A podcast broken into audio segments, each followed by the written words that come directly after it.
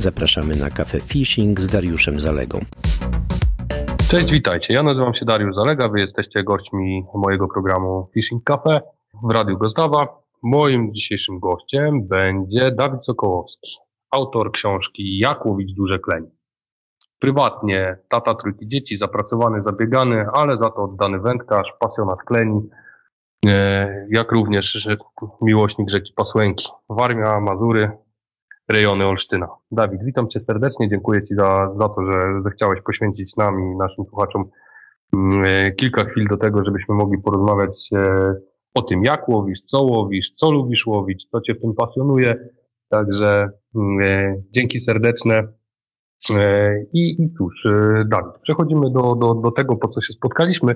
Chciałbym Ci zadać parę pytań po to, żebyśmy mogli przedstawić swoją sylwetkę naszym słuchaczom trochę wyraźniej.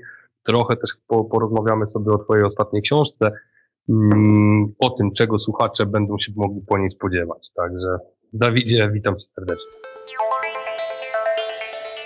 Radio Gozdawa. Zawsze na rybach.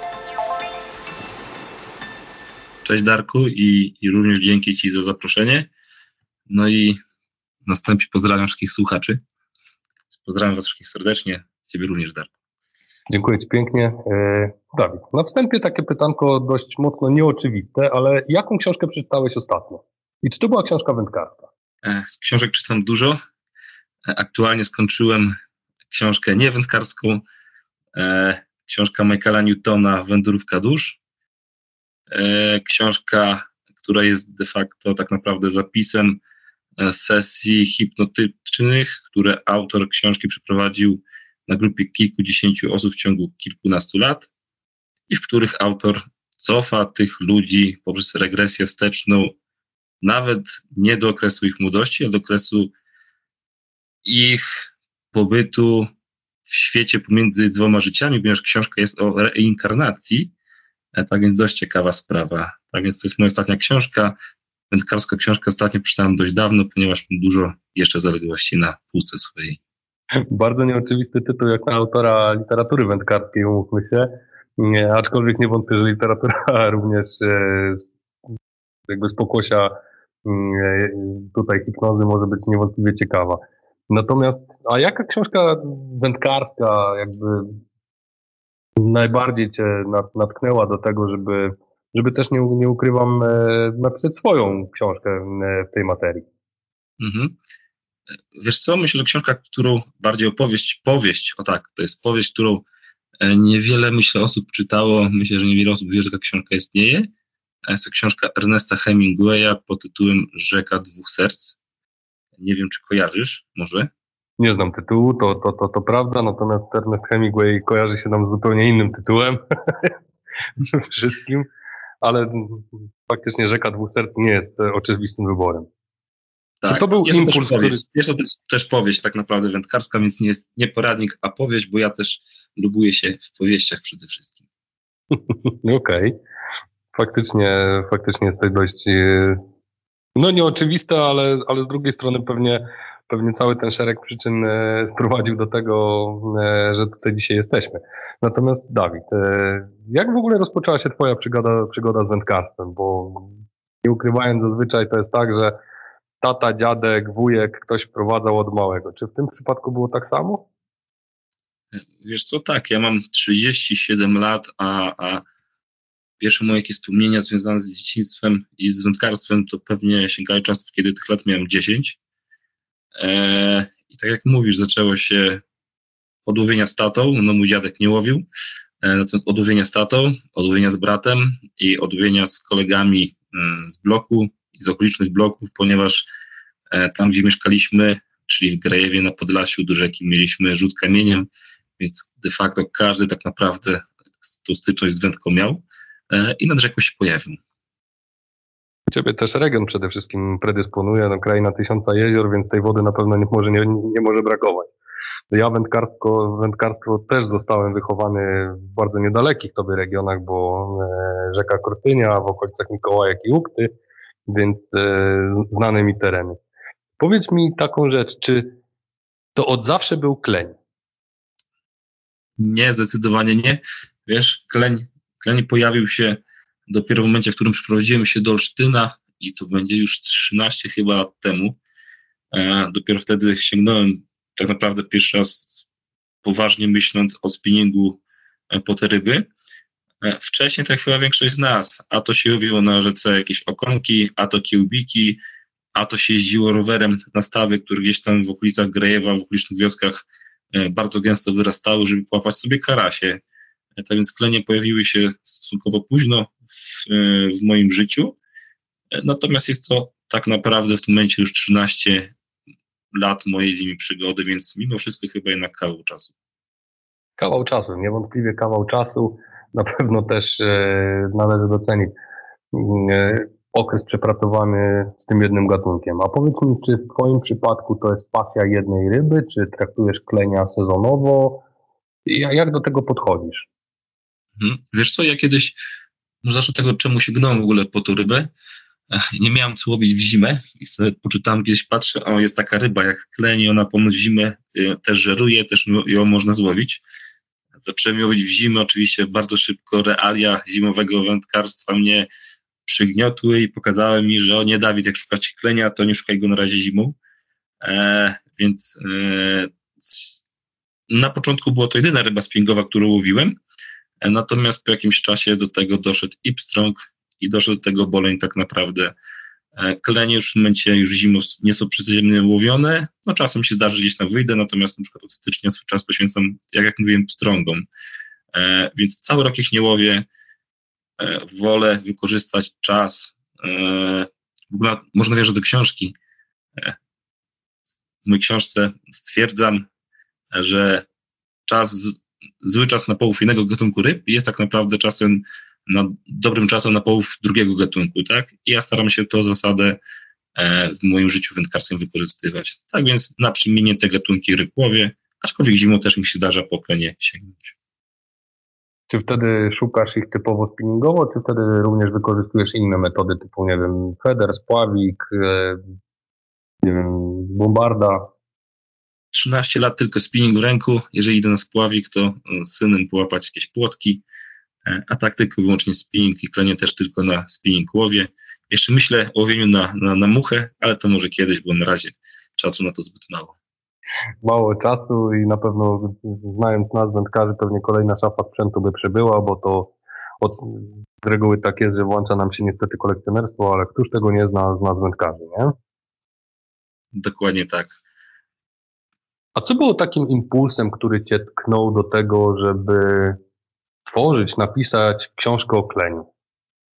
Mhm. Wiesz co? E, tak naprawdę dwie rzeczy. E, ja ogólnie rzecz biorąc materiał do książki zacząłem zbierać już jakiś czas temu, e, bo też piszę gdzieś swojego bloga i, i część tych informacji z mojego bloga przekazałem na łamach tej książki. Jak mówię, tylko część. E, już do jakiegoś czasu, myślę, że od dwóch, lat e, do napisania książki się przymierzałem, natomiast gdzieś tam zawsze brakowało tej, tej motywacji do pchnięcia tego tematu kolanem. No i taką motywację znalazłem rok temu. Mm, rok, rok minie już za, za kilka dni.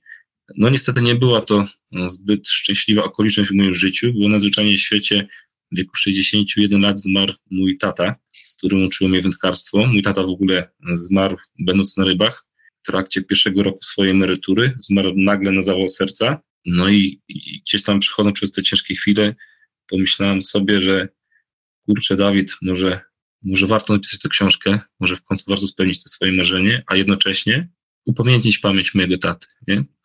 I, i, I ten trudny okres w moim życiu, który, który, który mnie wątpliwie ostatni rok był, no w tym czasie po prostu książkę pisałem, mając właśnie na myśli to, żeby, żeby wspomnieć mojego tatę. Tak? Więc może dość taka negatywna motywacja e, mnie do tego pchnęła, natomiast myślę, że ogólnie rzecz biorąc zrobiłem bardzo dobrze, dobrze z tym się czuję i myślę, że mój tata, jeżeli gdzieś tam jest, to docenia to, co zrobiłem.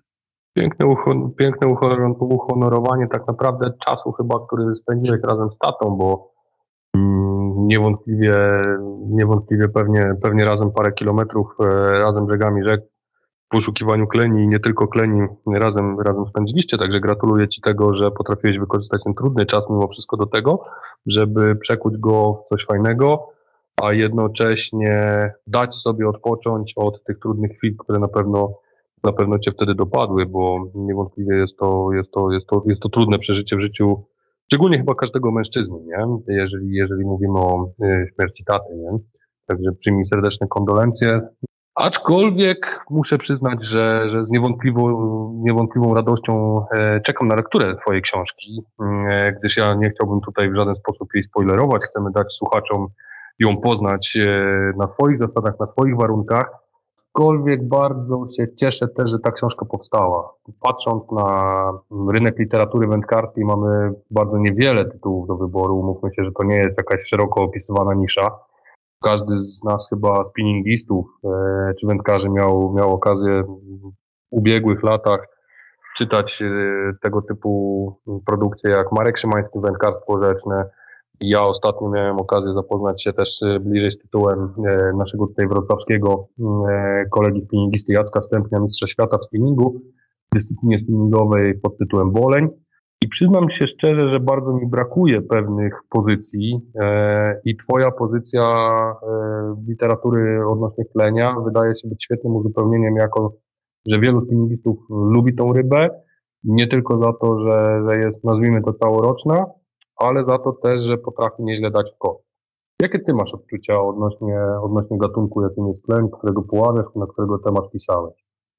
Wiesz co, ja myślę, że moje spostrzeżenia na temat tego gatunku e, mało różnią się od tego, co większy, sądzi większość wędkarzy, którzy już jakiś czas z rybą mają do czynienia, mianowicie no, nie jest to łatwy przeciwnik.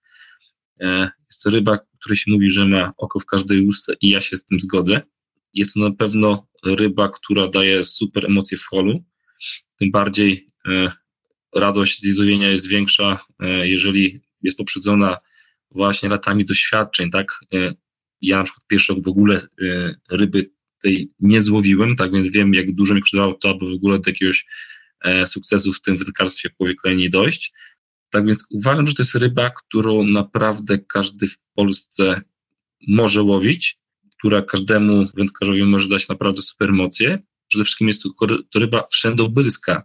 I tak jak powiedziałem, każdy, naprawdę każdy, myślę, ma w promieniu 10, 20, 30 km od siebie rzeczkę, w której ryby pływają, tak? Więc raz, że mega, mega emocje w holu. Dwa, że trudna do złowienia, więc mega wyzwanie. Trzy, jest jednak wyzwanie, które każdy może podjąć i z sukcesem jednak te ryby poławiać. Zgadza się. nieważne, czy to jest wielka rzeka Odra, wielka rzeka Wisła, jej mniejsze dopływy, czy, czy kraina tysiąca jezior, jak w Twoim przypadku. A powiedz mi, czy rozmawiając o kleniach, masz też gdzieś z tyłu głowy jazie, które często my liści łączymy kleń i jaź, czy jazie sobie absolutnie odpuszczasz, nie szukasz, nie gonisz i są w twojej jakby codzienności tylko przyłowem, przyłowieniu kleni. Wiesz co? Jazie w rzekach, w których łowię są niestety dość, yy, występują w dość nielicznej populacji i tak naprawdę e, tam, gdzie akurat na klenie chodzę, te jazie zbyt licznie nie występują, tak więc zdecydowanie na nie się nie nastawiam. Mam jedno swoje miejsce, w którym wiosną wiem, że mogę naprawdę spodziewać się bardzo ładnych jazi, natomiast no, w tym momencie jednak wybieram pstrągi. Tak więc raczej e, doświadczeń z jaziami mam mało, choć w tym roku już w marcu planuję właśnie w to miejsce troszkę pochodzić, może uda mi się to złowić. Natomiast raczej traktuję jako przeczekanie do startu tego prawdziwego kleniowego sezonu, który u mnie gdzieś się zacznie pewnie w połowie kwietnia. Czasami wśród nas spinningistów e, słychać taką opinię, że klenie to pstrągi dla ubogich. Nie wiem, czy słyszałeś, czy, czy, czy jakby podzielasz też ten pogląd, czy jakby można według Ciebie porównać te ryby, nie wiem, walcznością, charakterem, trudnością w przechytrzeniu tej ryby. Wiesz co? Widziałem ostatnio jakąś taką ankietę, w której ludzie głosowali e, właśnie w tym temacie, którą rybę trudniej złapać i o dziwo większość ludzi napisało, że trudniej złapać jest dużego klenia niż dużego pstrąga. Więc wydaje mi się, że jednak E, stwierdzenie, iż kleń jest pstrągiem dla ubogich, e, wynika raczej z tego, co mówiłem, że jest po prostu wszędzie, jest trochę tak traktowany e, wybiórczo. Jak wiemy, jego mięso też za bardzo nie smakuje, więc myślę, że wielu ludzi ma z nim dziwne dość skojarzenia z tą rybą, niekoniecznie pozytywne. A też w dużej części są to ludzie, którzy być może nigdy w życiu dużego klenia nie złowili, a połowili dużych pstrągów i nie są w stanie sobie tego porównać. Ja myślę, że tak. Są ludzie zafascynowani łowieniem pstrągów, to są wędkarscy fanatycy i, i oni mają swoje ścieżki wydeptane nad pstrągowymi rzekami.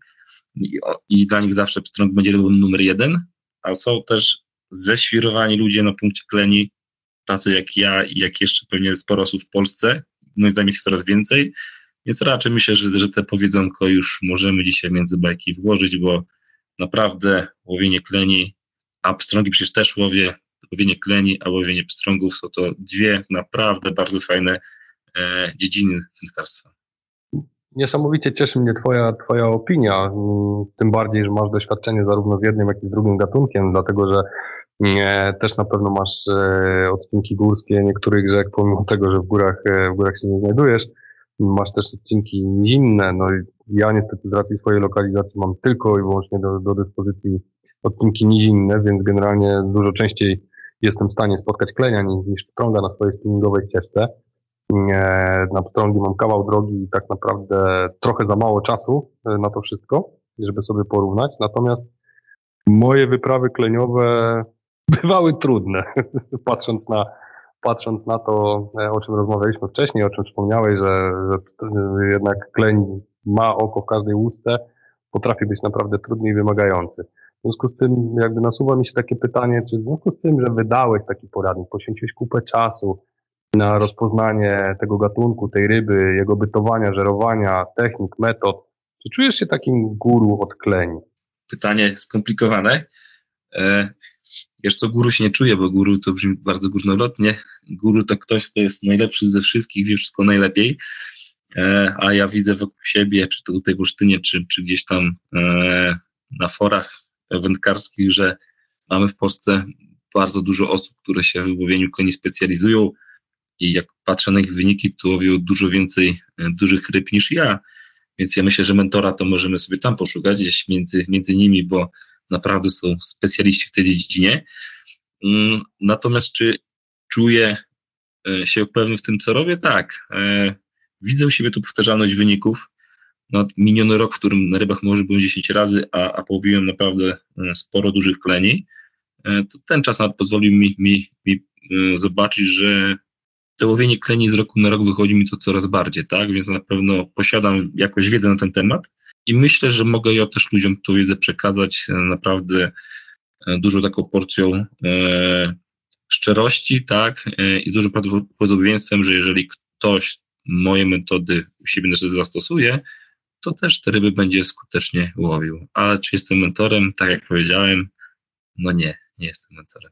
Tym, tym bardziej cieszy mnie to, że postanowiłeś się jednak podzielić z nami, wędkarzami, swoją wiedzą i swoimi doświadczeniami, bo tej, nigdy, tej, tej, tej wiedzy nigdy nie jest za wiele, tym bardziej, że każda woda potrafi, potrafi być inna i tu różne podpowiedzi z reguły, z reguły potrafią się sprawdzać, szczególnie, szczególnie na dużych rzekach, na ich dopływach i w różnych warunkach e, kalendarzowych tak naprawdę, bo mm, sam, sam o tym ładnie wspomniałeś, że czas połowu jednej ryby mm, bywa lepszym czasem na inne gatunki, chociażby zima, wiosna, przedwiośnie, środek lata. Aczkolwiek bardzo ciężko być e, tak zwanym multiwędkarzem, który bardzo sprawnie i skutecznie przede wszystkim operuje kalendarzem i różnymi gatunkami, więc jakby bardzo mnie cieszy to, że potrafisz jednocześnie łączyć pstrągi i sprawnie zauważasz to, że to jest jednak początek roku jest lepszy pstrągowo, później sprawnie przechodzisz w kalendarzu do, do innych gatunków, czyli Mogę rozumieć, że w ubiegłym roku magiczne 50 cm zostało przekroczone. Pytasz o klenie? Tak. Tak, tak, tak, tak. E, 3 razy 58 nawet było w zeszłym roku. Piękny wynik. Na 10 wypadów, tak więc, tak więc naprawdę fajnie, ale tu smutna dla mnie informacja, od, od wielu lat jest to mój rekord, te 58 magiczne i miarka się też magicznie zatrzymała.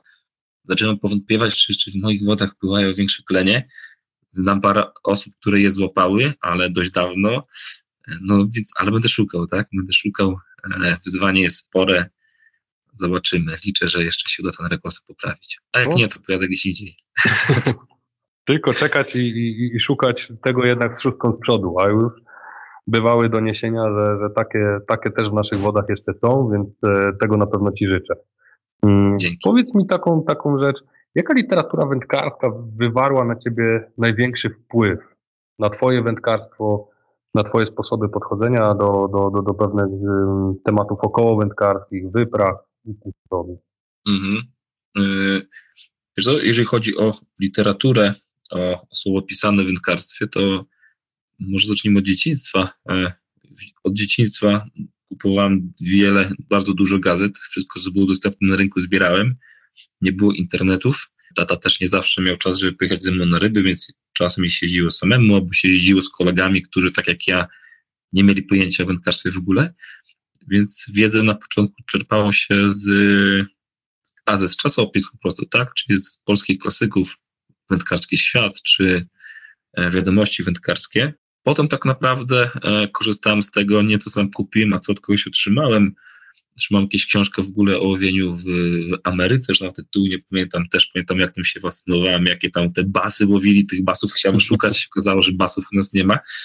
Natomiast taka książka też jakiś wpływ wywiera na człowieku, nie? Na pewno rozbudza wyobraźnię i, i sprawia, że człowiek zaczyna wierzyć, że ten sukces jakiś wędkarski, kurczę, y, duży może na swoich wodach mm, osiągnąć. Y, oczywiście czytałem kilka książek naszych tutaj, jak wymieniałeś już się dzisiaj, tych wędkarskich klasyków, natomiast gdzieś tam jednak mimo wszystko zawsze skłaniałem się ku czytaniu tym jakimś e, pozycją, powieścią, e, chociażby trochę połączoną z, wę, z wędkarstwem, chyba dlatego, że ja w wędkarstwie lubię przede wszystkim przygodę. To oczywiście jest praca na sukces, to oczywiście są jakieś e, technologie, techniki, nowinki, natomiast ja zawsze bardziej w literaturze wędkarskiej szukałem tej dozy emocji, dozy przygody. Mm, tak więc też bardziej raczej właśnie w tym kierunku zawsze mój, mój, rozglądałem się na rynku wydawniczym, żeby coś takiego znaleźć. No ale niestety mało takich książek na rynku się pojawia. Ale chyba książka, która z poziomu technicznego wywarła na mnie największy wpływ, to oczywiście również książka o łowieniu kleni. E, I tu oczywiście przed chwilą miałem autora na myśli, ale wypadł, wypadł mi z głowy. E, książka angielska. Może ty mi podpowiesz, o kim mówię. Może wiesz, kto napisał książkę w Anglii, a ja w tym czasie sobie to przypomnę za sekundkę. Uzupełnimy e, dane w opisie. Uzupełnimy dane w opisie. Mam ją za sobą w, w szafce, mam tu książkę i, i oczywiście bardzo oczywiste nazwisko, o którym teraz mówię, mam, mam dziurę w głowie, to że była też książka, która mówi o tym, jak, jak technicznie mówić klenie, nie? I, I, też trochę po jej przeczytaniu pomyślałem sobie, że kurczę, może, może i ja bym sobie tu książkę też napisał, też mnie do tego na pewno to popchnęło, nie? No i właśnie, i, i, i powiedz mi tak, tak naprawdę, mm, ty szukasz dozy, przygody, napięcia, trochę adrenaliny, trochę rozbudowanych opisów, mm, tego jak, gdzie, z kim, a co nasz słuchacz znajdzie w Twojej książce? Okej. Okay. Wiesz, mm, moja książka tak naprawdę, chociaż posiada kilka rozdziałów, e, jest napisana, e, składa się jakby z trzech, z trzech części. E, w tej pierwszej części piszę o, o, o sobie, o tym, jak się moja przygoda z wędką zaczęła, o tych pierwszych samodzielnych wyprawach na ryby z kolegami, czy też pierwszych wyprawach z tato. Przechodzę później przez okres młodzieńczy i okres dorosłości i wskazuję te najważniejsze e, elementy z mojej wędkarskiej przygody, które sprawiły, że zakochałem się w kleniach. Czyli ta pierwsza część jest dla wędkarza, który szuka takiej przygody, szuka trochę emocji w tym wszystkim i jeszcze nie szuka tych aspektów technicznych, poradnikowych. Do tych aspektów poradnikowych przychodzę w kolejnym rozdziale, w którym od A do Z w dużym skrócie opisuję całą drogę, jaka czeka osobę, która chce podjąć się wyzwania łowienia kleni, tak? Jest rozdział, który powinien trafić do kompletnych laików, którym pisze o absolutnych podstawach, który pewnie nie zainteresuje jeszcze wędkarza, który przynajmniej średnio jest zaawansowany w łowieniu kleni lub łowi je regularnie. A dla nich jest druga część książki, powiedzmy gdzieś myślę, że tak od, od połowy. E, to jest część, w której ja już e, na czynniki pierwsze rozkładam najważniejsze aspekty związane z łowieniem kleni i tam też zdradzam moje największe tajniki, moje sposoby na te ryby, których na co dzień nad wodą używam.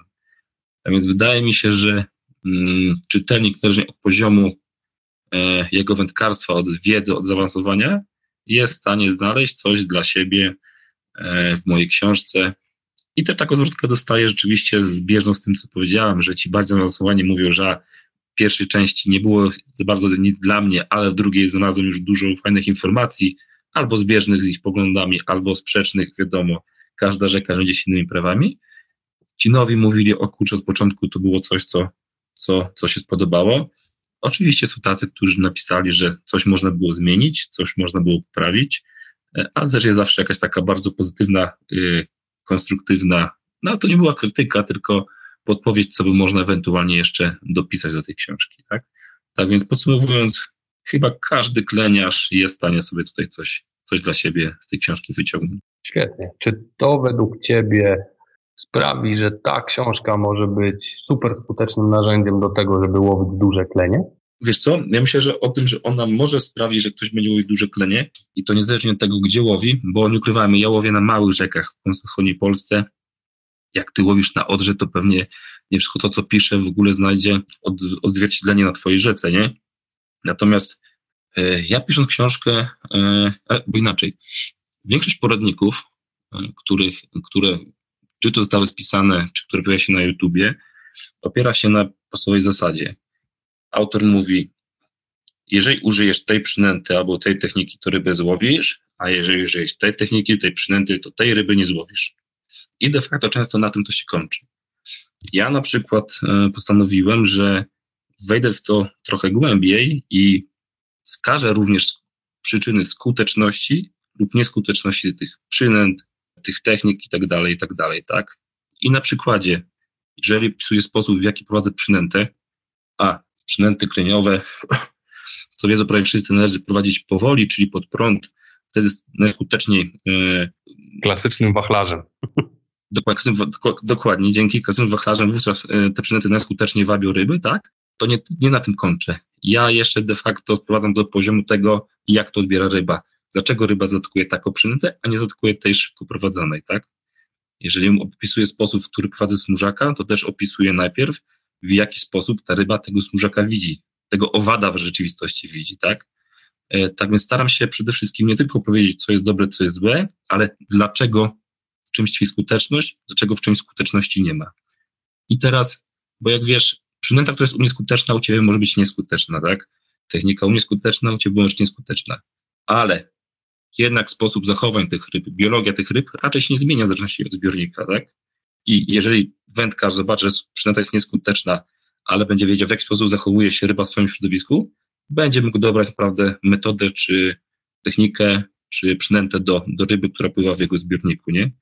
E, tak więc myślę, że to tkwi, w tym tkwi siła, siła być może mojej książki, że też próbuję trochę w skórę tej ryby wejść, tak? I pomyśleć. Oczywiście są moje domniemania, bo na ten temat nie powstały zarazem książki.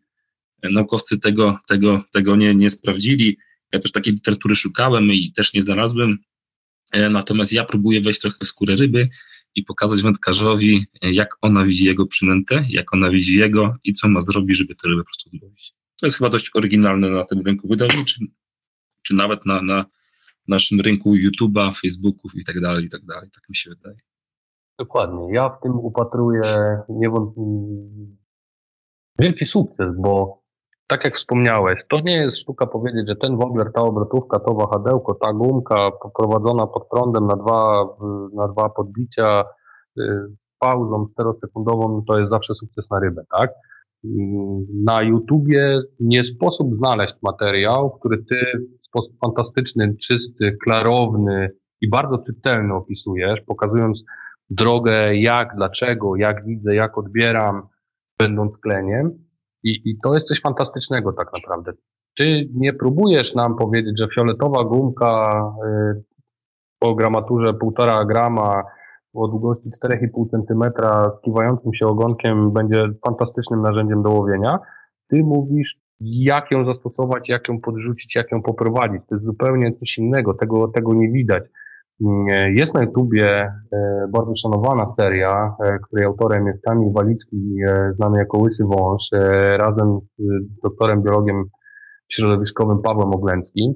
I tam znajduję analogię, jeżeli chodzi o wideo, do tego, co możemy znaleźć u Ciebie. Nieprawdopodobna wiedza, jeżeli chodzi o o rybę, o jej zachowaniu, o jej sposób bytowania i tak dalej. To jest coś, co my wędkarze powinniśmy de facto poznać zanim pójdziemy nad wodę, żeby wiedzieć czego się spodziewać i to jest, to jest niebywałe podejście do tego, e, za co ja to bardzo szanuję, bo e, nie sposób znaleźć tą wiedzę. Dzisiaj YouTube jest wypełniony komercją, nie tylko YouTube, umówmy się, że, że, że wszystkie media społecznościowe mówią ci o tym, zastosuj takiego woblera, kup to, kup tamto, a w pudełku kleniarza nie może zabraknąć tego czy tamtego, ale nikt nie mówi, jak ten kleń e, się zachowuje, jak on się zachowuje zimą, jak on się zachowuje latem, jak on się zachowa na, na, na małej wodzie, na dużej wodzie. Zresztą pokrótce charakteryzując, jak ja bym opisał swoje łowiska kleniowe i ty, to byśmy doszli do, do, do wniosku, że łowimy w zupełnie innych historiach. Wielka rzeka Odra, masa główek, opasek, prądy wsteczne, baseny, u ciebie pasłęka, krutynia, zupełnie inny charakter. No, jakby nie sposób znaleźć. Ale to, co wspomniałeś, fantastyczna wiedza, gdzie, jak ta ryba widzi, czuje, brzeruje, jak potrzebuje zjeść. To jest, to jest, to jest nieprawdopodobne źródło informacji dla nas wszystkich kleniarzy, nie tylko kleniarzy, dla osób, które mm, powinny i chciałyby podjąć wyzwanie pod tytułem klej. I to jest fantastyczny, fantastyczny przyczynek do tego, żeby z przyjemnością sięgnąć po Twoją lekturę. A powiedz mi w takim razie, czy Ty masz jakąś swoją ulubioną metodę, ulubioną porę roku, jak wygląda Twoja idealna, taka wymarzona wyprawa na kleń? Jeszcze zanim odpowiem na to pytanie, to e, kurczę, dzięki za porównanie do Kamila, e, bo rzeczywiście przyznać, że ja mało, mało YouTube'a wędkarskiego oglądam, aczkolwiek Kamila Walickiego kojarzę, nawet go podczas targów poznałem ostatnich. Pozdrawiamy e, serdecznie przy okazji Kamila i doktora tak, Pawła Walickiego. Znaczy, tam machnąłem mu ręką, tylko powiedziałem cześć, nie wiem, może mnie zobaczył, może zobaczył, aczkolwiek odmachał też bardzo fajne uczucie. I na pewno zajrzę teraz, i to nie jest reklama, słuchajcie, nie? Nie zajrzę do jego filmików, skoro takie fajnie zaprezentowałeś, że takie rzeczy można znaleźć. Rzeczywiście jest to bardzo, bardzo cenna e, wiedza. E, a teraz moja wyprawa, słuchaj, i ulubiona metoda, pora roku ulubiona. Wiesz, moją, mm, moją ulubioną porą roku do łowienia jest maj, ponieważ w moich rzekach w maju zaczyna się łowienie kleni, takie już nie zimowe, a wiosenne. E, tak więc po prostu dla mnie moją ulubioną porą roku jest ta, w której mogę rzeczywiście pójść nad rzekę i w końcu z premedytacją połowić te najgrubsze ryby. Też nie oszukujmy się, jeszcze w maju te ryby, które czy tam w początku czerwca, które są potarłowe, jeszcze stoją gdzieś tam w gromadach, jeszcze są zbite w stada, a jeszcze tam przez miesiąc, dwa będą, bo będą żywały na narybku, czy to własnego gatunku, czy na rybku innych gatunków ryb, więc to jest okres taki ten maj, czerwiec, w którym jest zdecydowanie najłatwiej rybie namierzyć i najłatwiej złowić te duże osobniki. Więc zdecydowanie maj, czerwiec to moje ulubione miesiące, jeżeli chodzi o połów kleni. Metoda oczywiście spinningowa, aczkolwiek jeśli chodzi o metody, to najbardziej uwielbiam łowienie na smużaki, bo jest to bardzo widowiskowe, ale to już dopiero niestety gdzieś tam lipiec, sierpień się zaczyna, tak? Tak więc jak widzisz, od maja do czerwca, do sierpnia e, to jest czas, który naprawdę łowienie kleni tutaj w warmińskich rzekach jest bardzo emocjonujące i w tym czasie najbardziej lubię to robić, bo to jest efektowne i też bardzo przyjemnie się w tym czasie spędza czas nad rzeką, bo jest ciepło, fajnie, słoneczko zazwyczaj e, świeci. Jak wygląda ten dzień, jak już jesteś, przychodzi ta tak zwana wędkarska niedziela, to jest ten dzień, że, że mogę jechać dzieci ogarnięte, żona poinformowana, jest zgoda, zielone światełko, mam 3, 4, 5, 8 godzin uzgodnione, mogę jechać. Jak wygląda ten dzień w wykonaniu Dawida Sokołowskiego? Zazwyczaj wstaję gdzieś druga, trzecia w nocy. Często jeżdżę z kolego, pakujemy się, no i jedziemy. Mówimy, że mamy zawsze fajne poczucie, jak na przykład już o 8, 9 rano wracamy z ryb, a widzimy jak z tej ortyńskiej starówki te niedobitki wracają do domu, bo czujemy się mega spełnieni, oni kończą jakoś tam dziwną swoją eskapadę, która de facto nic im pewnie nie przyniosła w życiu, idą do domu, a my już tego dnia coś fajnego zrobiliśmy. To jest takie zawsze mega uczucie, że ósma, dziewiąta, ja już wracam, ale jestem tak motywowany tą energią. Zazwyczaj jedziemy, mówię, albo jadę z kolegą, albo jadę sam na, na jeden z naszych ulubionych odcinków rzek. Tak naprawdę my już nie szukamy nowych odcinków, bo już mamy swoje wytypowane e, przez lata. Czasem nam zdarzy się iść w jakieś nowe miejsce, natomiast zazwyczaj to już sprawdzamy te miejsca przez nas przetestowany. I zazwyczaj to kilka godzin łowienia, powiedzmy trzeciej, czwartej rano do ósmej, dziewiątej, intensywnego łowienia, obławiania tych miejscówek, e, przedzierania się przez chaszcze, bo nie oszukujmy się, że tutaj nasze warmińskie rzeki są mega zarośnięte, mają trudny dostęp z brzegu, tak więc często jest bardzo dużo jeszcze łożenia. Natomiast to wszystko sprawia, że ta złowiona ryba daje bardzo dużą satysfakcję, bo ona jest zawsze wypracowana. Ona zawsze kosztuje wysiłek. To nie jest tak, że podjeżdżasz sobie samochodem pod, pod rzekę, wsiadasz z samochodu, rzucasz, przyjeżdżasz w drugie miejsce. Nie. Zdawiasz samochód, idziesz nieraz parę kilometrów, żeby dojść do tej twojej ulubionej miejscówki. Więc zawsze te nasze wypady są, zazwyczaj są poranne, bardzo poranne, e, zawsze kosztuje nas sporo energii, bo trzeba się przedzierać przez różne chaszcze, ale każda złowiona ryba po takich e, eskapadach naprawdę przynosi mega, mega wielką satysfakcję i zawsze do domu wraca się z ucieszoną gębą, jak to się mówi. Tak zawsze tak ten plusik do wędkarskiego notesika to jest dzień zaliczony na plus.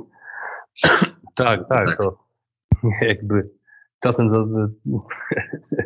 czasem spinningista zazdrości federowcom czy karpiarzom tych, tych pięknych, równych pomostów. Podjeżdżamy autem z bagażnika prosto na pomoście fotelik i zawsze ta, ta myśl z tyłu głowy, a kurczę, przedzierając się przez dwumetrowe pokrzywy nad rzeką, czwarty kilometr od parkingu, gdy kurczę trzeba było zostać karpiarzem, nie? Podjechałbym na stanowisko, rzucił i byłoby tacy, ale jednak ten plusik, umiem Cię zrozumieć w tym, e, w tym całym doświadczeniu, tak samo ja lubię gdzieś tam latem, jak zaczyna się czwarta, czwarta rano, zaczyna to słońce już wychodzić, woda paruje, robi się coraz cieplej, świat zaczyna się budzić, czasami, czasami nawet wolę odłożyć tą wędkę, usiąść sobie na brzegu, popatrzeć jak ta rzeka zaczyna żyć, ptaki zaczynają latać, zaczyna się to smokanie po powierzchni i, i zaczyna się żyć, nie? I to jest coś, co daje e, mi przynajmniej niesamowitego poera do tego, żeby naładować sobie baterię, poszukać tej ryby, zaczyna się to życie i, i widzimy, że aż się zaczyna chcieć coś e, kolejne kilometry robić brzegiem rzeki. Czy tak samo jest też w Twoim przypadku? Zdecydowanie ten kontakt z naturą e, jest tym, e, czego szukam, bo jak Ci mówiłem, szukam przygody wędkarty, ale przede wszystkim też szukam ukojenia od tych nerwów codzienności, od stresów, które człowiek e, w dzisiejszym czasie, czasie ma na co dzień. Uciekam trochę od dzieci, od żony, mam trójkę dzieci, mam żonę, kocham ich, jest fajnie, ale człowiek też czasem potrzebuje trochę odpocząć. Rzeczywiście nad rzekę często, słuchaj, nie wiem, czy przyznasz rację, ale po prostu się ucieka, żeby na świecie odpocząć. Nawet przy, przy, się przez te haszcze człowiek mimo wszystko odpoczywa, bo ja, tak jak mówi święty będzie tata, najlepiej odpoczywam w towarzystwie natury, tak. Mi niepotrzebne są komputery, mi niepotrzebni są wokół ludzie, mi niepotrzebne są wokół e, imprezy. Najlepiej odpoczywam, jeżeli jestem na rzeką sam, ewentualnie mówię z kolego. Oprócz nas jest, są ptaszki, które ćwierkają, jest woda, która sobie szemrze, są drzewa, które szumią, jest słońce, które gdzieś tam na nas z nieba spada. I rzeczywiście to są takie bardzo, bardzo e, fajne momenty. I dla nich też się chce chyba na tą rzekę wracać, bo jak wiesz, ryb nie łowi się zawsze. One, one czasem są, czasem ich nie ma. Ja również czasem ryb łowię, czasem tych ryb nie łowię. To jest pewna, zawsze jest jakaś e, losowość, przypadkowość w, wynik, e, wynikach wędkarskich.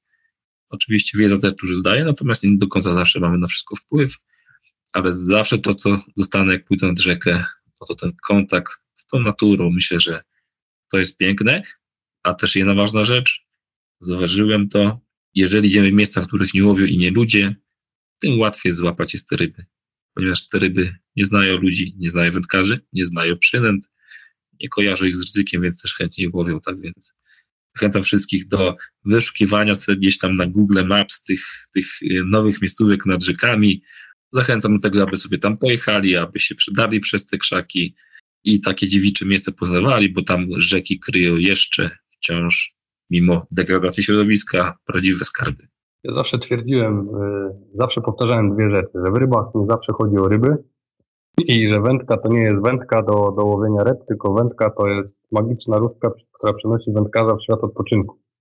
I, i, i dostrzegam to też jakby e, u innych wędkarzy. E, jest, jest, jest ładowanie baterii, jest, jest, jest ta odskocznia od życia codziennego, pomimo tego, że kocha się te, kocha się te nasze dzieci niesamowicie, poświęca się im mnóstwo uwagi, a jeszcze jak nasze dzieci są pasjonatami innych sportów, jak mój syn e, pragnie zostać kolejnym, kolejnym fantastycznym e, lewym stoperem polskiej reprezentacji, i wielkich czołowych klubów, to, to wymaga to naprawdę mnóstwo czasu w kalendarzu i tata w tygodniu staje się taksówkarzem, żona też potrafi przynieść niejedną listę zadań do wykonania i ten tydzień pomimo pracy, wszystkiego, całej, całej tej otoczki potrafi naprawdę przygnieść, więc to jest fantastyczne, jak tylko człowiek trzyma wędkę w ręce, od razu widzimy te klenie, te brania, y, te zwałki na rzece, te zwalone konary, gdzieś już człowiek szuka,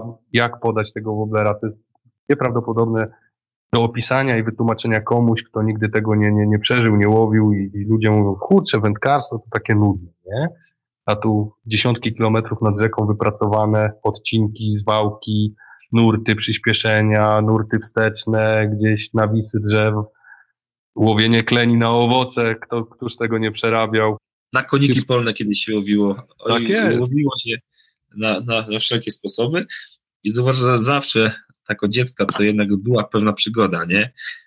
I, I w ogóle ja mam takie życzenie dla wszystkich wędkarzy, żeby nie tracili tej dziecięcej frady z wędkowania, bo czas ucieka, niebłaganie starzejemy się wszyscy, wszyscy na te, te rzeki gdzieś tam sobie dalej chodzimy, e, ale często zauważam, że ludzie zaczynają patrzeć tylko na wyniki, a nie mają sobie tej dziecięcej frajdy z łowienia, nie?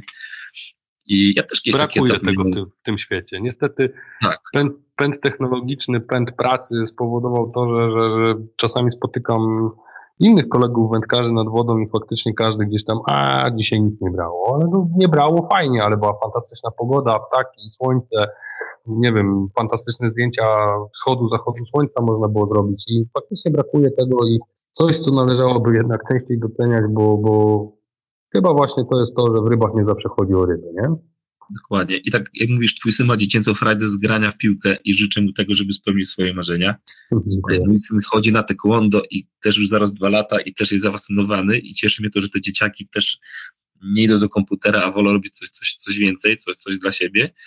I takie frajdy, jakie, jaką mają nasze dzieci, życzę i tobie, i sobie, i wszystkim, którzy nas słuchają, bo to jest coś naprawdę wielkiego. Myślę, że to jest więcej niż złowienie największej ryby, tak naprawdę. Oczywista sprawa. Dziękujemy Ci serdecznie. Natomiast yy, opowiedz nam trochę, jak, jakim Ty sprzętem łowisz, jak do tego podchodzisz. W ogóle, czy jesteś sprzętomaniakiem, gadżeciarzem wędkarskim, jak część z nas, czy jesteś typowym wędkarskim minimalistą i Twoje pudełko to jest pięć, przy, pięć przynęt, jeden. I, I jak to u Ciebie wygląda?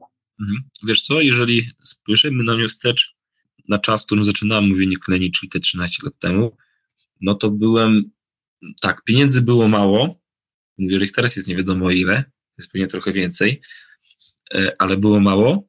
Człowiek nic nie umiał za bardzo, jeżeli chodzi o, o wędkarstwo spinningowe, więc próbował trochę zastąpić umiejętności sprzętem, więc może nie kupowałem dużo wędek, nie, nie nawijałem wielu żyłek, natomiast miałem całą masę przynęt. E, dziś wygląda trochę inaczej, ponieważ e, w tym momencie tak naprawdę ja mam może cztery modele sprawdzonych woblerów, mam dwa, trzy sprawdzone smużaki. Na tym łowię przez 90% czasu. E, a robię tak, ponieważ udało mi się gdzieś tam wyselekcjonować te przynęty, na które ja potrafię najlepiej wędkować na moich rzekach, tak. Więc obecnie zdecydowanie tego sprzętu mam mniej niż kiedyś. E, też staram się za sprzęt za dużo nie wydawać, nie kupuję drogiego sprzętu, nie mówię, że jest gorszy, pewnie jest lepszy, natomiast no też patrzę tutaj na, na swój portfel, na potrzeby mojej rodziny. Gdybym miał więcej pieniędzy, pewnie bym kupił więcej, tak? Jeżeli chodzi o sprzęt, o wędki, podbieraki i tak dalej, ubrania, ale jeżeli chodzi o przynęty, choćbym był milionerem, to ja już raczej po prostu bardzo tu nie zmieniam. Mam, mam swoje sprawdzone modele, mam swoje sprawdzone techniki ich prowadzenia, bo zaznaczam, że przynęta to przynęta, trzeba umieć poprowadzić, to jest źródło sukcesu przynęty. A to po prostu łowię, więc na dzisiaj nie jestem już zbieraczem. Chyba moja żona z tego się cieszy, chociaż ona zbiera sukienki, to może ja jednak zacznę zbierać te. równowaga, równowaga w przyrodzie musi zostać zachowana. Tak, nie może być tak. jednostronna gra, że tylko żona będzie nam wypełniała tutaj szafę. W związku z tym ja na przykład przyznaję się do tego otwarcie. Tutaj walczę z tym i idę z żoną web w web na pewno tutaj porównywamy. Zbiorów. Wiesz, pojechałem, tak, pojechałem na targi Evolution z książką i wróciłem z pajdą całą przynęt. Tak spojrzałem na nie, mówię, no Dawid, pewnie ich do, do wody nie wrzucisz, bo masz zakodowane w głowie swoje przynęty, ale należyła się sposobność, no to je kupiłem, nie? Tak więc też dalej zbieram, już nie tak jak kiedyś na pewno, już na pewno nie w takiej skali. Ale to jest frajda, kupić sobie nową, fajną przynętę, nie? To jest trochę, trochę jak dziecko dostaje zestaw nowy Lego, nie? Tak, a, a najlepiej sobie jeszcze zrobić, też gdzieś tam e, kiedyś robiłem przynęty, nawet ostatnio znów sobie jakieś smużaczki strugam na wiosnę, zobaczę, czy coś połowie, albo latem. To jest jeszcze większa, większa frajda chyba, połowić na coś swojego, aczkolwiek, e, tak jak też wspominałem na targach wszystkim rękodzielnikom, że doceniam ich mega pracę, bo tyle cierpliwości trzeba mieć do, do tworzenia przynęt, trzeba mieć takie umiejętności, że czapki z głów przed każdym, kto umie sobie coś sam wykonać. To jest też Trzeba, sprawa. trzeba. Ja cenię, cenię e, powielokroć e, tak zwany handmade. Zresztą e, już parę lat, parę lat administruję grupą przynęty handmade, jedną z większych w tej materii i widzę rozwój tych chłopaków. Nieprawdopodobny przeskok zrobili jakościowy, ilościowy, metodyczny, bo, bo coraz też więcej nowych tych czynów chłopaki wymyślają. Fantastyczna sprawa. Powiedz mi taką rzecz. Tak jest. Roz, rozmawiamy o tych paru przynętach. A jaka jest ta twoja ulubiona przynęta? Zdać nam, mi i, i naszym słuchaczom taką jedną przynętę, którą bardzo cenisz, albo zawsze masz ją w pudełku, albo ta, która jest twoją mm. ulubioną. Zanim odpowiem na to pytanie, powiem jeszcze jedną rzecz ważną. Ja w książce nie pisywałem w ogóle żadnego sprzętu, ani przynęt, a czy opisywałem, jakiego, jakie parametry przynęt używam, czy jakie smużaki używam, czy ster, ze sterem, bez steru, kolory i tak dalej. Natomiast tam nie podawałem żadnych informacji o marce, ponieważ nie chciałem, aby moja książka była powiązana z jakąkolwiek marką. Ale, tak więc tego w książce nie znajdziecie, ale każdy, kto do mnie do tej pory napisał, albo jak teraz ty mnie spytał, moją odpowiedź ode mnie zawsze uzyska, tak więc chęcią na pytanie twoje odpowiem. Ulubione przynęty, jeżeli chodzi o wienie pod wodą, to siek bzyk, to chyba klasyk. Myślę, że nie ma w Polsce który tego nie używa, natomiast no kosa. Tak więc polecam sieki, bzyki. Mam nadzieję, że, że ta przynęta jeszcze długo, długo na naszym rynku wędkarskim będzie dostępna. A jeżeli chodzi o zmurzaki, no to tutaj e, szerszenie od Stasia Malka, też bardzo dobrego kleniarza i jeszcze e, Wobi, Wobi ZGR, taka jest taka czarna, e, czarny smurzaczek, więc te typ przynęty, siek, bzyk, e, szerszeń Staśka Malka i ZGR Wobi to jest u mnie top 3 tak naprawdę. Oprócz tego Kenard Winner, Horn 4 Andrzeja Lipińskiego fajnie mi się sprawdza, de facto naprawdę to jest też już takie, takie moje, taka moja podstawa, tak, jeżeli chodzi o, o przynęty. A jeżeli chodzi o wędki, e, w tym momencie łowię na Sevejira SG, e, Sevejira Parabellum 518, ponieważ nie łowię już kleni lekko, ponieważ warunki mojej rzeki są takie, że jest mocno zarośnięta i trzeba mieć duży zapas mocy. Więc Sevejir 518 Parabellum. Do kowrotków powiem szczerze, że nie przyjmuję, e, zbyt dużej wagi nie przykładam. E, tak więc tu nie będę mówił o, o kołowrotkach, bo o tak raczej z, z przypadku często je sobie kupuję. Plecionka od wielu, wielu już lat. E, Dragon, Dragon, Dragon i znów mi wypadło z głowy. Albo RNS, albo któryś tam z tych silensów nowych Jest, może. Dragon Invisible Clear 008. To jeszcze mi zostało z czasów, kiedy dla Dragona łowiłem, współpracowałem z Dragonem praca się zakończyła, ale ta plecionka ze mną pozostała i jestem jej wierny po dziś, tak naprawdę. Tak więc to jest sprzęt, który na, na co dzień wędkuję. E, staram się też łowiąc nie schodzić zbyt lekko, e, nie, nie, wolę, matko zasadę, wolę łowić trochę e, grubszym sprzętem, niż by to wynikało z logiki połowu kleni, ponieważ szkoda mi jest ryby rywać ryby nie odpływają sprzętami, to jest i dla mnie pozytywne, bo nie tracę pieniędzy, to jest zdrowe dla środowiska, bo, bo klenie przeżywają, nie zostawiam tego żelastwa w wodzie, nie? Tak więc trochę grubiej łowię i na te przynęty de facto, o których do tej pory powiedziałem. Właśnie fajnie, bo wyprzedziłeś trochę swoją odpowiedzią moje kolejne pytanie, bo chciałem Cię zapytać właśnie, jak podchodzisz i mm, do wszechobecnej mody, może nowej techniki, może czegoś nowego na rynku, a mianowicie ultralightów i super, e, super ultralightów, bo teraz bardzo modne jest łowienie wszystkich ryb kijami do półtora, dwa i pół czy trzech gram.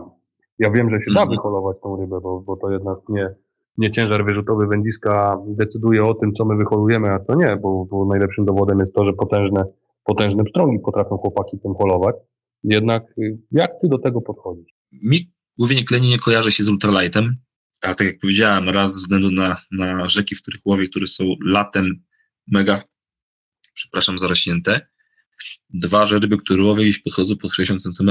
No nie wyobrażam sobie w tak zarośniętej bardzo mocno rzece, na cienkiej żyłeczce, na małym kołowrotku, na lichej wędeczce ciągnąć takiego klenia. Tak? Nie wyobrażam tego sobie. Wiosną jeszcze pewnie może bym się z tym zgodził. Pewnie wiosną, kiedy rzeka nie jest zarośnięta, kiedy ryby nie przypływają w okolicy zwałek, tylko gdzieś tam na płytszej wodzie, kiedy mogę dać ryby się wyszumić, pewnie jeszcze mógłbym się pokusić o to, żeby sobie trochę lżej połowić. Natomiast w innych okresach roku, w warunkach mojej rzeki, zdecydowanie bym tego nie zrobił. I żaden z wędkarzy, którzy u mnie y, na rzece łowią, e, tego, tego nie robi. Nie wiem, jakie warunki na rzece mają wędkarze, które ultralight łowią.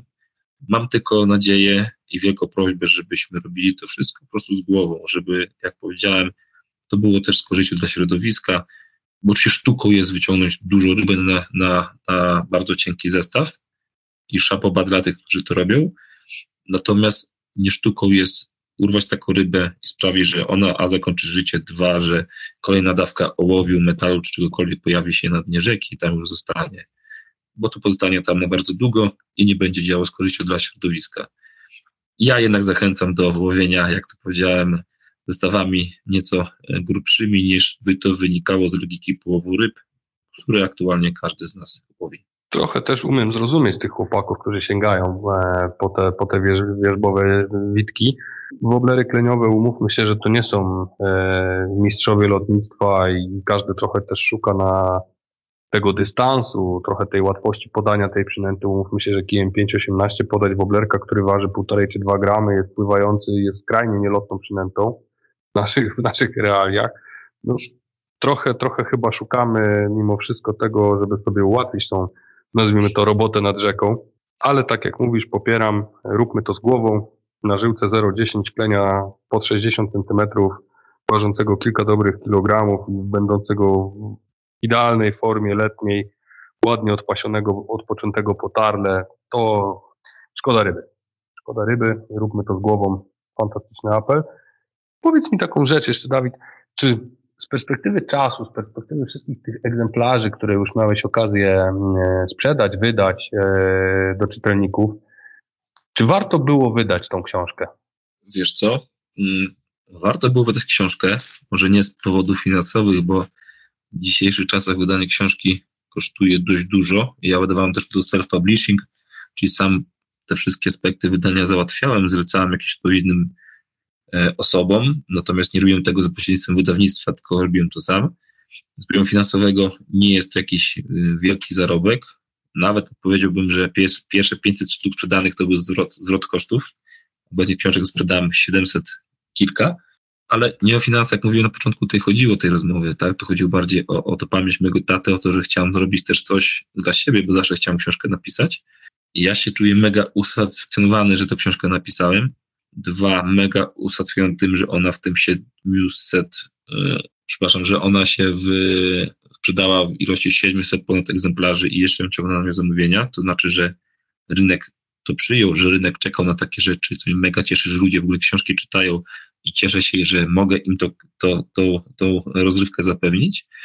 A trzy, było warto wydać książkę, ponieważ jeżeli słyszę od człowieka, który ma 40 parę czy 50 parę lat, że przydał moją książkę i on łowił klenie w dzieciństwie i przez 6 lat ich nie łowił i on kupił wędkę i idzie znowu na tą rzekę na klenie, no to powiem Ci, to jest takie mega uczucie, że znowu dałeś komuś taką frajdę dać komuś, e, taki powrót do przyszłości i sprawiły, że ktoś stwierdził, że znów po tą dziecięcą frajdę chce sięgnąć i idzie na teklenie, nie? Tak więc naprawdę nie widzę powodów w tym momencie, dla których nie miałem tej książki wydawać. Była ona, ta inwestycja była warta wszystkich pieniędzy, tego czasu, który w niego włożyłem. Nic więcej tu chyba dodać nie mogę. To naprawdę fajna przygoda. Serdeczne gratulacje, bo nie ukrywam, że właśnie na ten aspekt czekałem tknąć tą iskierkę dzieciństwa w czyjeś wędkarstwo, to, to jest niewątpliwie piękna sprawa dla nas samych też na pewno, nie? Zarazić czymś, co, co, co, co możemy przekazać dalej. Jak ta książka zmieniła ciebie jako wędkarza, jako przede wszystkim człowieka? Że ona się śmiała, że jak będzie takie pytanie, to, to powinien powiedzieć, że teraz mam mniej czasu na ryby, bo, mam, bo mam mniej czasu na ryby. Raz, no ktoś że musi wszystkie te nasze zamówienia pakować, no mówmy. Robię wszystko też to sam, robię sobie po godzinkach usiądę, a, a po, po, poprzez sprzedaży to w ogóle tych zamówień było bardzo dużo i, i siedziałem nocami do pierwszej, drugiej w nocy, pakowałem, podpisywałem, wysłałem. Teraz też to robić muszę, ale to jest bardzo, bardzo fajne e, móc podpisać komuś książkę. E, to jest bardzo fajne móc komuś taką książkę wysłać. E, to jest bardzo fajne, że chociażby ty, Darku, spytałeś mnie, czy chciałbym z tobą porozmawiać na, na łamach radia. Y, już innego wywiadu wcześniej udzieliłem. Y, tu ktoś napisał, że coś tam chce zaproponować, jakąś współpracę, ktoś chce napisać, pogratulować, ktoś napisał, że fajnie, Dawid, ale mógłbyś jeszcze coś napisać, y, bo tego, tego nie było. To wszystko jest bardzo, bardzo fajne. I, i, i, co, i, I co się zmieniło? W tym, że poznałem na pewno bardzo dużo fajnych ludzi. Znowu nawiążę do ciebie, Darku E, wiele mega sympatycznych osób do mnie się, się odezwało. E, zobaczyłem, że do nas wędkarski świat, chociaż wielu myśli, że tutaj są ludzie nie w domu jacy, że każdy ma wielkie mniemanie o sobie i tak dalej, tak. Okazało się, że nie, tych ludzi mm, pozytywnie nastawionych do tego, co zrobiłem, e, do jakichś nowinek na naszym rynku wędkarskim, wydawniczym jest bardzo dużo. Tak więc jest bardzo dużo takiego ciepła na, na, wśród nas wędkarzy E, co było dla mnie bardzo pozytywnym zaskoczeniem. I co się zmieniło? Podsumowując, to, że poznałem bardzo dużo fajnych ludzi, mam mniej czasu na wędkowanie, muszę częściej rozmawiać, ale rozmawianie jest bardzo przyjemną e, czynnością. Poza tym, jak mówię, no mało czasu na ryby, troszkę chwilowo, ale myślę, że to sobie odrobię. E, jest to warte tego, tej ceny na ten moment. To wróci, to na pewno wróci. Ja Ci tego z całego serca życzę, żebyś jednak mógł e, od paczek mieć kogoś, kto będzie cię wyręczał w tym, a, a sam będziesz mógł, że tak powiem, zbierać materiał do, do kolejnej do kolejnej części tej, tej fantastycznej lektury. Nie ukrywam, że też na to czekam. Natomiast y, Dawid, y, opowiedz nam trochę, trochę nam i słuchaczom, jak technicznie wygląda proces pisania książki. Bo to nie sprowadza się do tego, że mam pomysł i naklepię na klawiaturze, nie? Mhm. Wiesz, e, Zacznę może od tego, że ja też nie mam czasu, aby tak po prostu usiąść, pisać książkę, że wyznaczam sobie dzisiaj 2-3 godziny i piszę, ponieważ raz, że targałem no, bardzo silne emocje związane ze śmiercią taty, dwa, że dwa miesiące po śmierci taty urodziły mi się bliźniaczki. Tak więc emocje pozytywne i negatywne naraz i tak naprawdę brak czasu dla siebie. Bo jak wiesz, dzieciaki małe, ty już swoje dzieciaki trochę bardziej odchowałeś niż, niż ty, niż ja, małe dzieciaki potrafią no, dać po prostu w kość. A jeszcze mam. O, potrafią, potrafią. Tak. E, tak więc ten proces u mnie taki był szarpany. E, na pewno nie miałem takiego czasu, żeby dechy, dechy usiąść każdego dnia i popisać. Pisałem wtedy, kiedy miałem czas. Ale jak mówisz, to nie jest to pisanie takie od ręki, z głowy. Musi być jakiś plan, tak? Jakiś plan na rozdziały i pierwszy, drugi, trzeci, czwarty. Taki plan miałem. Część informacji, myślę, tak może 30% informacji zawartych w książce E, można znaleźć w trochę zmienionej formie na, na, na moim blogu, który gdzieś tam kiedyś prowadziłem, on teraz jest, jest dostępny, natomiast tam dużo już nie piszę, ale 70% to były całkiem nowe, e, to są całkiem nowe informacje, które nigdzie do tej pory się nie pojawiły, tak? To jest na pewno w tym e, momencie, kiedy miałem dość skomplikowane no, sytuację życiową, musiałem znaleźć czas na to, żeby jednak to chociaż pół godziny dziennie usiąść, czy godzinkę dziennie usiąść, żeby to najpierw zaplanować wszystko, co w jakim oddziale napiszę, a potem po prostu usiąść i krok kroku rozwijać te wszystkie e, zagadnienia, tak? E, było to dla mnie trudne, bo ja nie jestem tak poukładanym człowiekiem, żebym wszystko sobie miał zaplanować, natomiast no myślę, że pisanie tego wymaga, bo jeżeli tego byśmy nie zrobili, to tego co na, to by autor napisał, nie do końca dałoby się pewnie przeczytać. E, no właśnie, jak to w Twoim przypadku odpowiadał za skład, korektę, edycję? O, to no, kolejne aspekty, które można zrobić samemu, jakby ktoś się znał, ja się nie znam. E, więc jeżeli chodzi o korektę, to e, moja kochana małżonka mi tutaj pomagała, ponieważ też gdzieś tam kończąc studia w tym kierunku troszkę się rozwijała jaki to jest dobry moment, To jest dobry moment na to, żebyś pozdrowił małżonkę i docenił na łamach radia. Tak, pozdrawiam małżonkę i, kocha, i, i kochaną teściową, bo ona też pomagała. tak więc E, obie, obie, obie, te, obie kobiety, moja żona i teściowa e, mi pomogły i jestem za to wdzięczny. Jeżeli chodzi o skład, e, zleciłem to osobie, która tym gdzieś się zajmowała już, już w przeszłości, mi to zrobiła. Projekt okładki również robiłem na zewnątrz, ponieważ udolnień graficznych za bardzo nie posiadam, więc te rzeczy, których nie umiem zrobić, zleciłem tak naprawdę dalej. Tym, czym się zajęłem, to wyszukałem sobie jeszcze drukarnię, E, która mi to wszystko e, wydrukuje. E, znalazłem taką pod Warszawą i w zasadzie tyle. Nie wiem, co mógł tutaj jeszcze, jeszcze dodać. Ogólnie rzecz biorąc, taka ciekawostka, dwie czy trzy osoby już dzwoniły do mnie, osoby, których nie znałem z świata wędkarskiego, pytały mnie o to, jak wydać książkę, ponieważ też są w trakcie pisania, albo mają zamiar napisać. Tak więc, Darku, taka i, i, i, i, i dla słuchaczy taka ciekawostka, że tych pozycji prawdopodobnie na czasie pojawi się jeszcze więcej. Nie? Tak Nic, więc tylko zacierać to, ręce i czekać, czekać i wyglądać na, na księgarnianych półkach kolejnych, e, kolejnych przygód wędkarskich tak naprawdę i naszej literatury. Tak, mam nadzieję, że to wyjdzie. A jeszcze tylko czemu nawiązuję do tego, że ludzie dzwonią, bo to tak, że wyskoczył Filip z Konopi. Ludzie myślą, że to jest bardzo skomplikowane wydać książkę. Natomiast e, na moim doświadczeniu które bazuje na tym, że ja doświadczenia nie miałem w wydawaniu książek, e, można oprzeć śmiało tezę, że jest to bardzo proste. Nie jest to nic trudnego, nie jest to nic skomplikowanego. Trzeba po prostu e, chcieć napisać, umieć napisać, a, a cała reszta to jest naprawdę kwestia techniczna i jest do zrobienia. Siądźmy, piszmy, wydawajmy. Nie jest to skomplikowane, a na pewno wielu doskonałych e, wędkarzy, różnych gatunków, specjalistów z różnych obszarów wędkarstwa na pewno nosi się z takim zamiarem. nie, my, nie my jedni, nie my ostatni, to na pewno. Dawid, kończąc, y, jakby zamykając, chcąc postawić klamrę y, na pierwszej części naszej rozmowy, bo na pewno, na pewno nie jest to ostatnia część tej rozmowy, bo na pewno wrócę do Ciebie jeszcze latem z pewnymi tematami, ale o tym, o tym sobie pogadamy poza, poza anteną, poza nagraniem. Czego mogę Ci życzyć w nadchodzącym, w nadchodzącym sezonie? Jakie, jakie, jakie plany sobie stawiasz na ten 2024? E, Wiesz co? Ja plan mam prosty. E, po zeszłym zwariowanym roku żyć spokojniej i znaleźć więcej czasu na, na pasję i pogodzić to z życiem rodzinnym. I to jest chyba tak naprawdę to, co możesz mi życzyć. Wszystko inne tak naprawdę w życiu jest mało istotne e, i jeżeli będę miał to, o czym powiedziałem, to będę naprawdę mega szczęśliwym człowiekiem. Dawid, zatem ja, jak i cała redakcja, na pewno moi koledzy z redakcji się do tego przyłączą, jak i na pewno nasi słuchacze, zdecydowanie więcej czasu na ryby, więcej, więcej spokoju, więcej tego, nazwijmy to, jakościowego czasu Ci życzę, bo, bo i małżonka, i dzieci, bliźniaki, junior zakochany w taekwondo, przy okazji tutaj życzymy czarnego pasa z, z którymś tam kolejnym danem na belce. Za parę, za, za parę tygodni ma egzamin, tak więc przekażę mu, słuchaj, bo egzamin tak, za pasem, na pas. Trzymamy kciuki. E, jeżeli podeślesz materiał, chętnie opublikujemy na, na, na, na, na łamach naszych mediów społecznościowych. E, docenimy, docenimy sukcesy. Także Dawid, e, wszystkiego dobrego. Liczę na to, że twoje, twoje, twoje te, te, te małe i duże marzenia zaczną się spełniać. Wrócimy na pewno sobie jeszcze w trakcie roku do kolejnych dyskusji.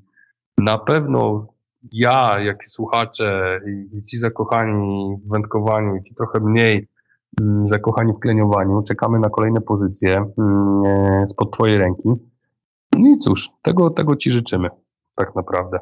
Dziękuję Ci, Darku, za te życzenia, oby się spełniły i życzę Ci tego, co sobie życzysz i tego, co życzę sobie i tego wszystkiego też życzę Twoim, naszym dzisiejszym e, słuchaczom. No i jeszcze raz dziękuję, słuchaj, za zaproszenie.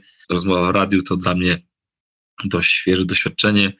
Mam nadzieję, że za dużo gaf nie popełniłem. Starałem się mówić logicznie z sensem, a jestem trochę też schorowany, ale mam nadzieję, że tego nie będzie na antenie słychać. Tak więc świetnie sobie, świetnie sobie poradziłeś, także cała przyjemność po naszej stronie.